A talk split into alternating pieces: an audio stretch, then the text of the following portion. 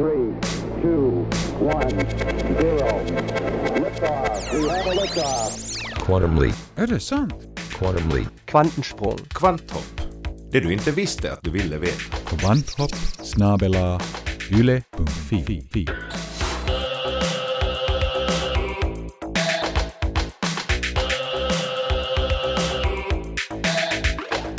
Välkomna med till veckans kvanthopp. Mitt namn är Ulrika Fagerström och faktiskt så kan vi alla ta och sätta oss nu.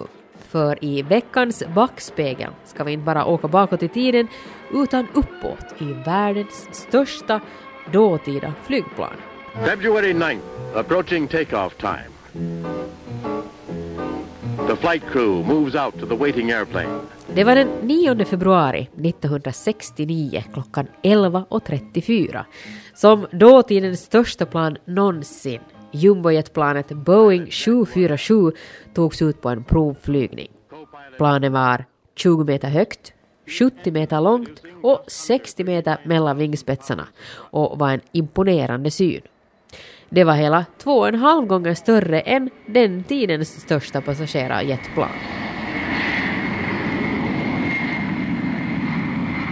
Allt gick riktigt bra denna första tur. De facto så sa en av piloterna som var med att flygplanet helt enkelt var urenkelt att flyga. I guess this sounds complacent or something, but that thing is just ridiculously easy to fly. It's just a pilot's dream. Över 500 passagerare på en gång fick plats ombord och maxhastigheten var 900 kilometer i timmen. I över 40 år var Boeing 747 den största passagerarflygplansmodellen i världen, ända tills Airbus-modellen kom och spräckte det rekordet år 2007. Sen flygturen 1969 så har cirka 1400 Boeing 747-plan tillverkats. I dagens kvanthopp kommer det att handla om det här. Behöver jag faktiskt vara på Twitter eller på Facebook? Och måste mitt företag finnas där? Markus Rosenlund han talar med professor Harry Bowman från Åbo Akademi som forskar i mobila tjänster. Sydamerika, det är en kontinent full av både skönhet och konflikter. Erik M. Snellman han gör idag en imaginär rundresa i Sydamerika och serverar oss ett och annat att tänka på när det gäller de sydamerikanska ländernas namn. Men innan det här, veckans telegramnyheter.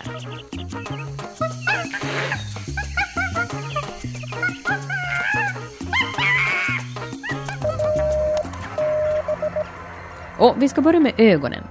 Pupillmätning är en forskningsmetod som lär ha funnits i hela 50 år. Och den går ut på att mäta hur en människas pupiller reagerar på olika saker. Ofta så utvidgar sig pupillerna då en människa antingen starkt gillar eller starkt ogillar någonting. Tekniken för pupillmätning har på senare tid utvecklat sig så mycket att den har blivit mycket effektivare som metod. Och nu har man använt den på små barn, så små som bara några månader gamla. Vid spädbarnslabbet vid Uppsala universitet i Sverige genomförde man nyligen en studie på spädbarn så små som fyra månader gamla.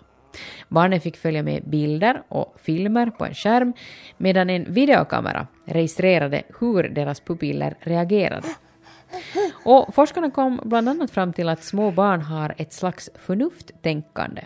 Forskarna visade spädbarnen en film där två skådespelare satt och matade varandra och ibland förde skeden helt riktigt i den andras mun, ibland så hamnade den på avvägar.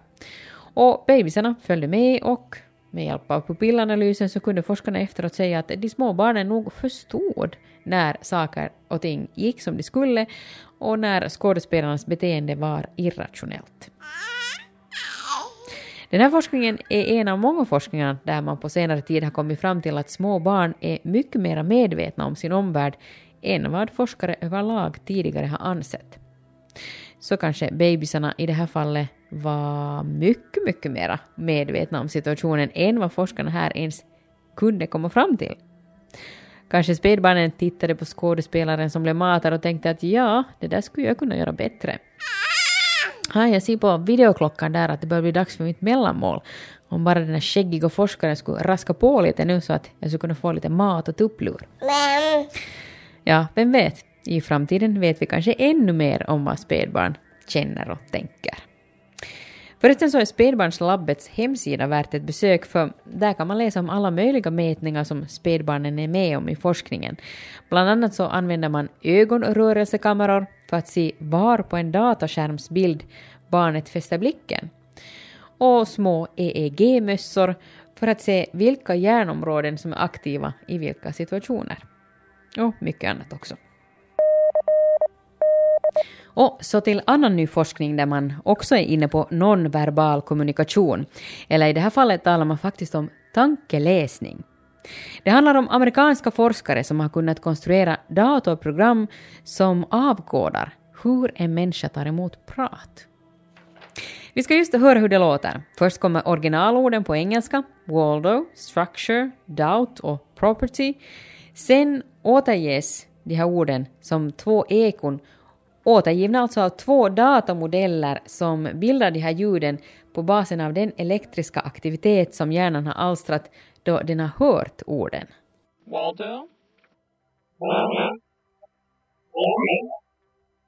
Structure. Doubt? Property.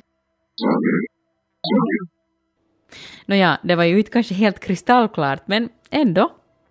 I den aktuella forskningen har man alltså studerat personer med epilepsi och registrerat deras hjärnaktivitet med hjälp av elektroder i huvudet medan de lyssnade på prat. Observera att elektroderna faktiskt var inne i huvudet, inte på.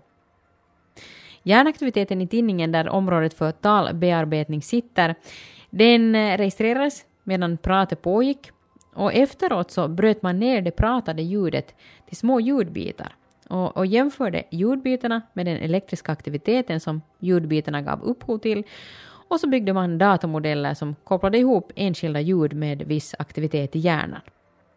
Och efter det här så spelade man upp enskilda ord och kunde utgående från hjärnans aktivitet urskilja vilka ord hjärnan hade hört. Waldo? Structure. Doubt? Property. Målet i framtiden är att på motsvarande sätt kunna avläsa hjärnans aktivitet för tankar. Forskarna tror nämligen att redan tankar ger upphov till liknande elektrisk aktivitet som hjärnans registrerande av ljud gör. Tidigare forskning har visat att liknande områden i hjärnan aktiveras när en person tänker på ett ord som när den faktiskt uttalar det. Och det här skulle i sin tur kunna betyda att man kan konstruera en maskin som kan hjälpa folk med stroke eller andra hjärnskador som har förstört talförmågan till att göra sig förstådda igen. Vägen dit är ännu lång, men eh, det är nog inte bara personer med nedsatt talförmåga som skulle vilja lägga vantarna på en tankeläsare utan ganska många andra också. Men till årets julklapp utses den alltså inte riktigt än.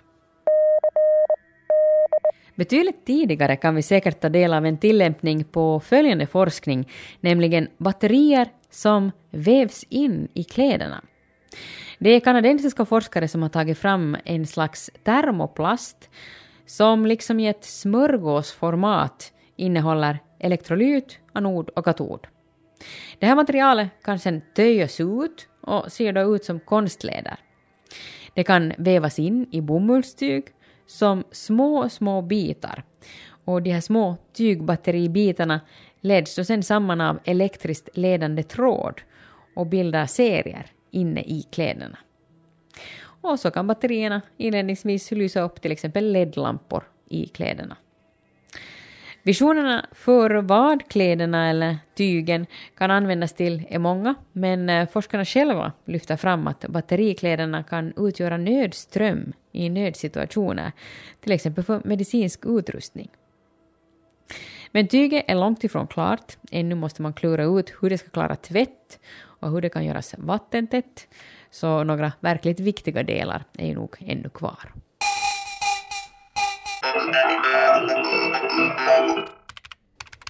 Där var telegrammen slut för idag men vi hänger kvar lite i teknikens värld. Kapprustningen mellan telefontillverkarna accelererar Och snart borde man ha en ny smarttelefon varje månad för att kunna facebooka i farten utan att behöva skämmas inför sina nördvänner. Eller borde man? Markus Roselund han har träffat en som borde veta. It only makes sense if it really makes work easier. If you really need less to carry around. Han som sa det så heter professor Harry Bovman från Åbo Akademi och universitetet i Delft. Och han jobbar med att forska i och utveckla mobila tjänster, alltså saker du kan göra med din smarttelefon eller pekplatta. Bowman menar alltså att ny mobilteknik är en smart investering bara om du tack vare den behöver bära med dig färre prylar än förr. Visst, din pekplatta ersätter ju en mängd apparater. En navigator, en musikspelare, en textbehandlare, en videospelare etc. Men hej, innan du skaffade den där pekplattan, inte gick du ju bar på dig alla de där prylarna då heller. Jag till exempel bär numera med mig två telefoner. En privat och en jobbtelefon, plus en pekdator. Visst, jag kan göra en massa saker med dem, men har de gjort mitt liv enklare och mindre komplicerat? Knappast.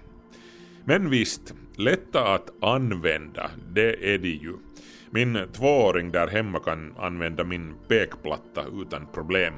Du ska inte behöva läsa manualer numera eller rodda med en massa menyer. Det var ju det här ingenjörstänkandet som fick Nokia på fall. People basically don't care what's under the hood of their car. They don't care what's under the hood of the of let's say the hardware, but they want it to work. That's important. And for them it's not a question if the technology is perfect. The question is can I solve a practical problem in my day-to-day coordination with this type of technology? And then they will use it. Hårdvara är totalt irrelevant för folk. De vill inte veta vad som finns under skalet.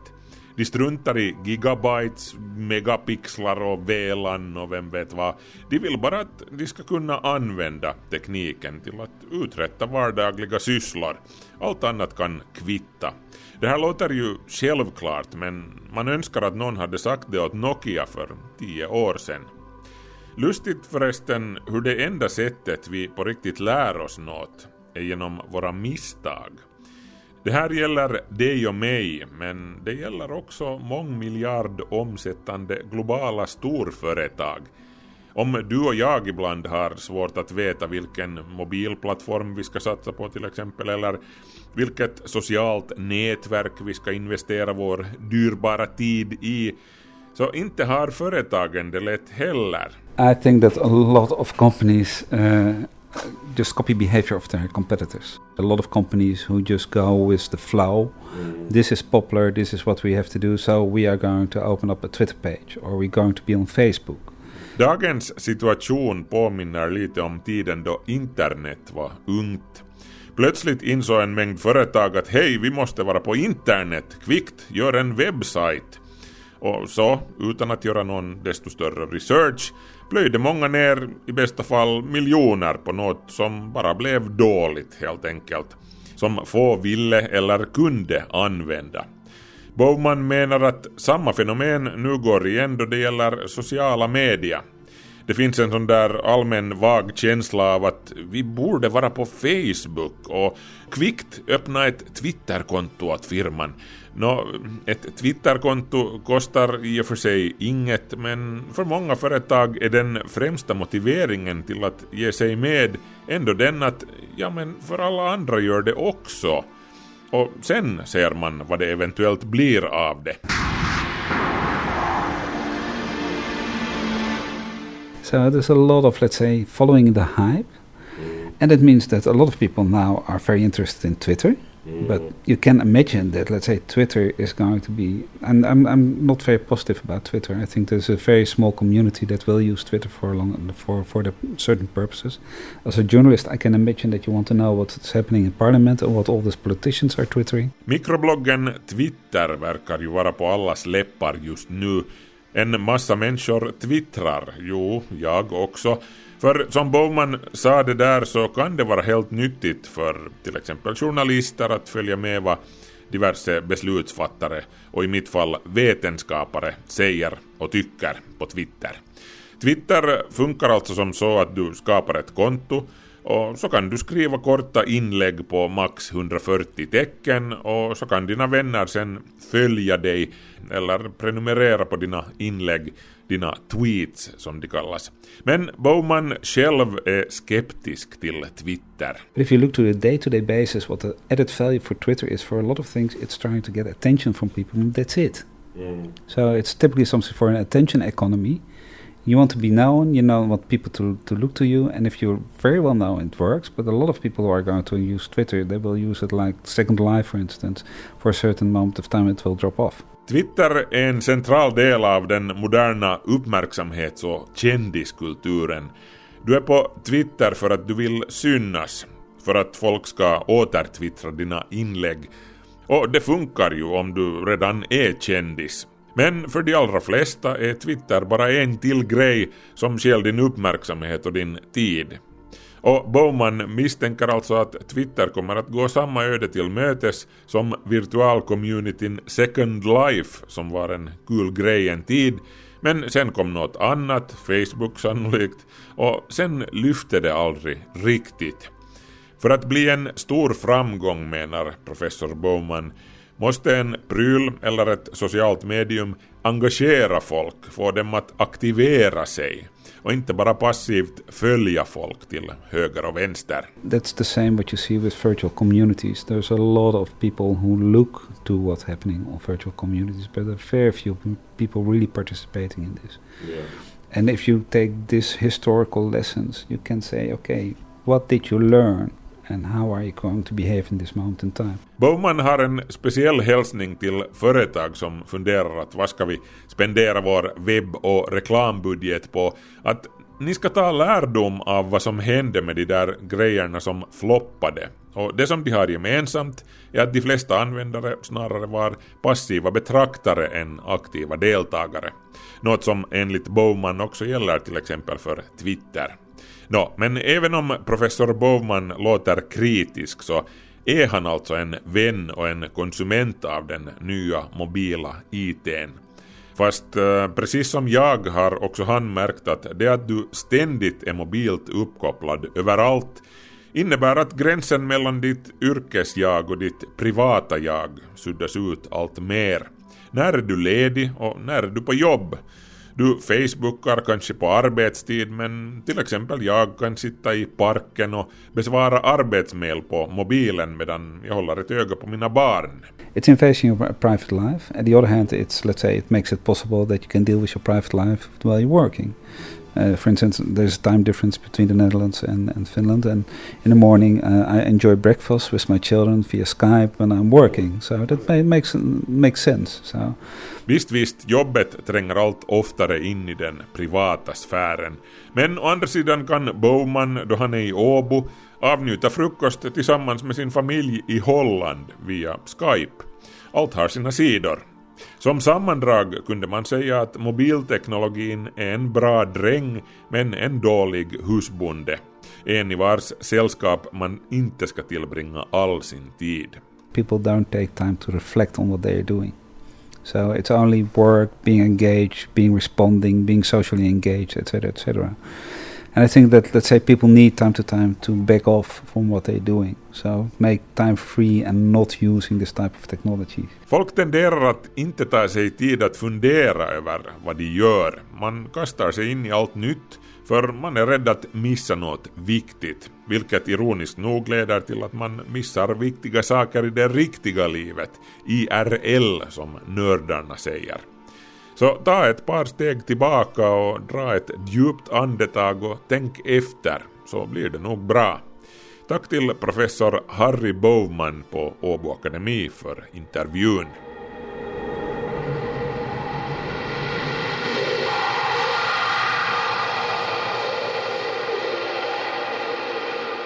Redaktör här var Markus Rosenlund.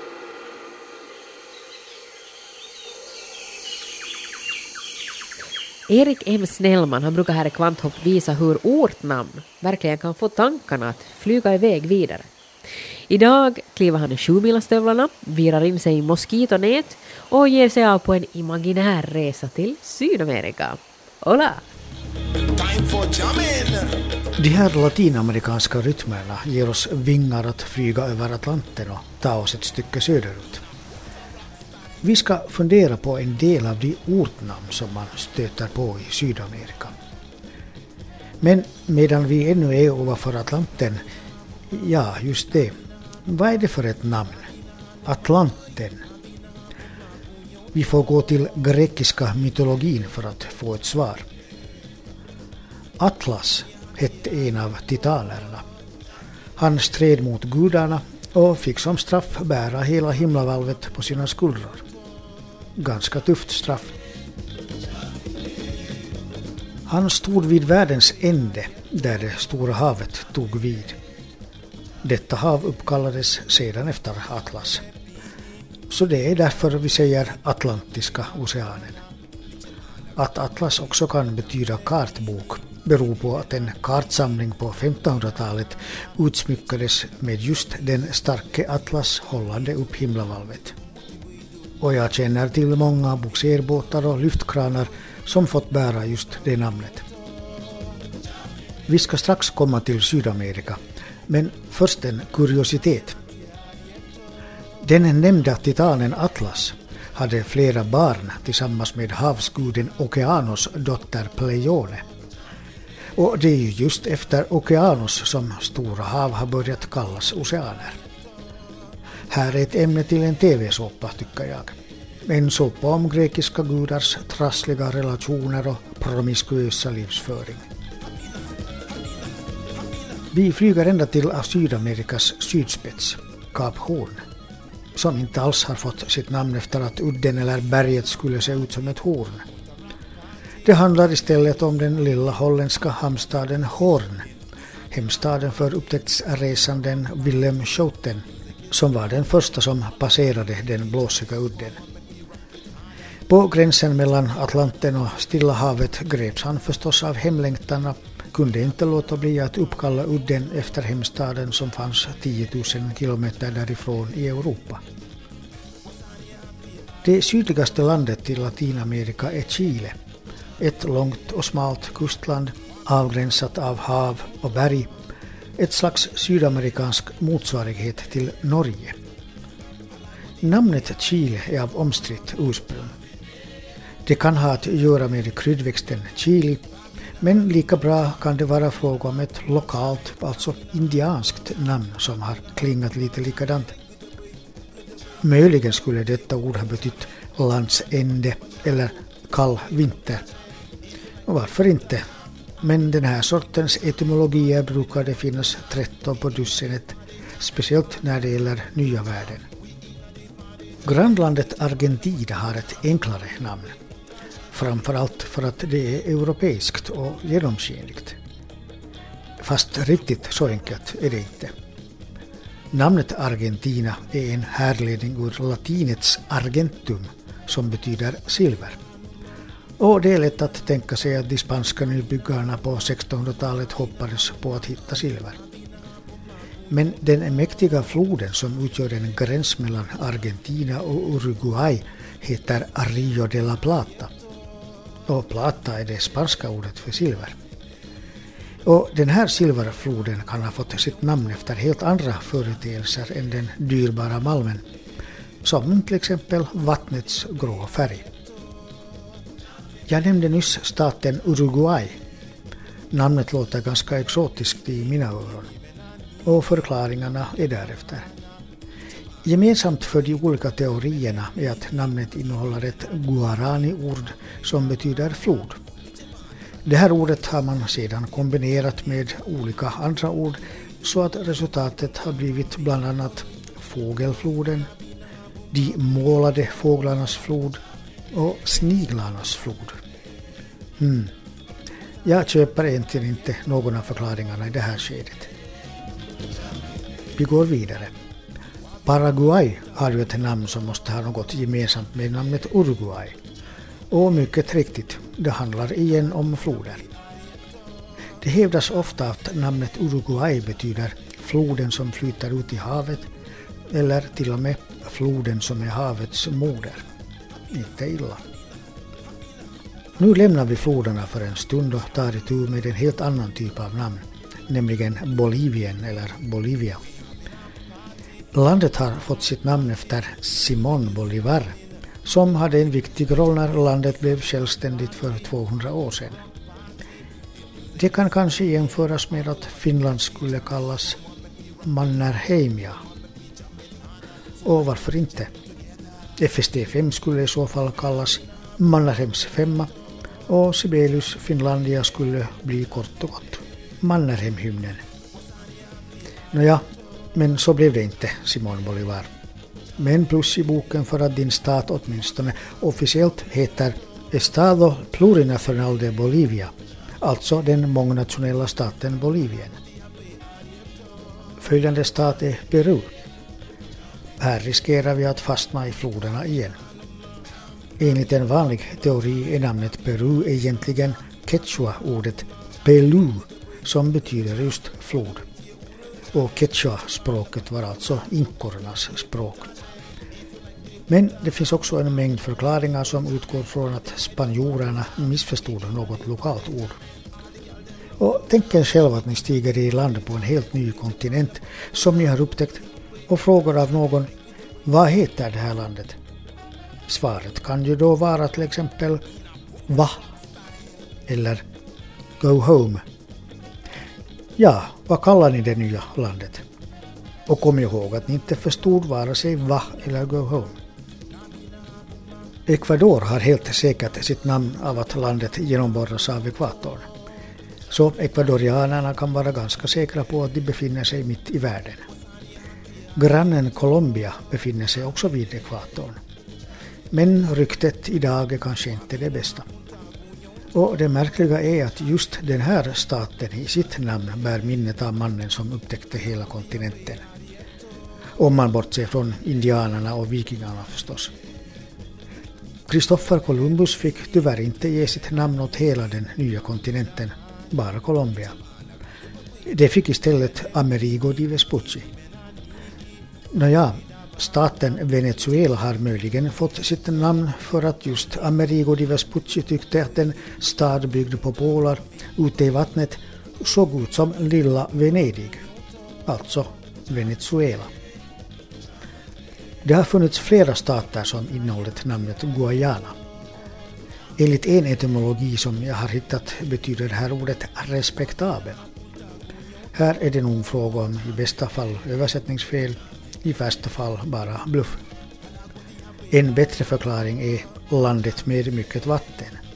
Och det finns faktiskt många floddeltan i området. Och Atlanten väntar utanför. Det före detta holländska Guayana kallas idag Surinam. För det namnet har jag bara hittat patetiska tolkningar av typen Amazonas smultande hjärta. Så vi fortsätter till Brasilien där vi också byter språk till portugisiska. Forskarna verkar ganska eniga om att namnet Brasilien har att göra med ett trädslag som är röd eller gulaktigt till färgen.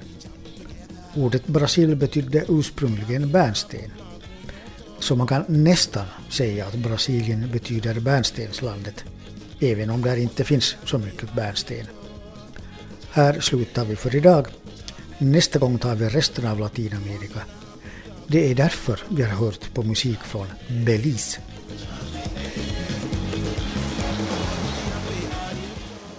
Det sa Erik M. Snellman.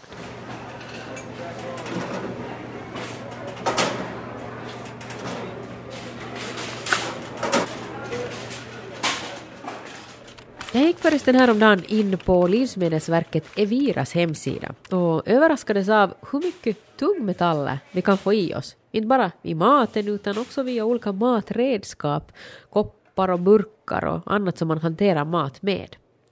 På Eviras hemsida så kan man läsa om soppslevar som ger ifrån sig formaldehyd. Man hittar konserverad ananas med för mycket tenn. En köttbullstång som avger för stora mängder bly och kaffemuggar som det lossnar kadmium och bly från. Så den medvetna konsumenten som redan idag har en tygkass med sig färdigt till butiken och den går och handlar borde kanske också ha med sig en annan pryl alltid varje gång, nämligen en metalldetektor.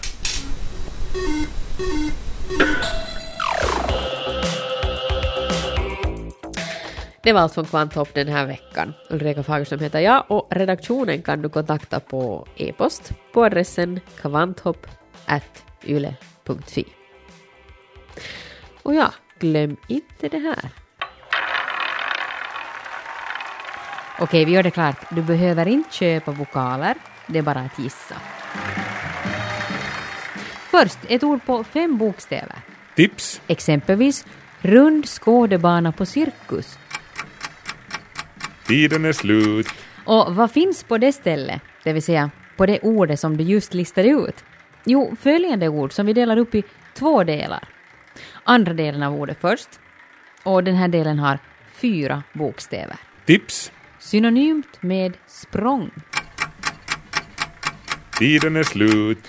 Och så till sist första delen av det här andra ordet, fem bokstäver. Tips. En förled som åsyftar de bestämda energinivåer som legat till grund för utvecklingen av mekaniken och med den besläktade forskningsområden. Tiden är slut. Lycka till vid läsandet önskar Kvanthopp-redaktionen. Och mer aha-upplevelser på A-R-E-N-A-N. Okay, Jack. Uh, natural question is, what are your impressions? Well, Al, uh, I guess this sounds complacent or something, but that thing is just ridiculously easy to fly. It's just a pilot's dream.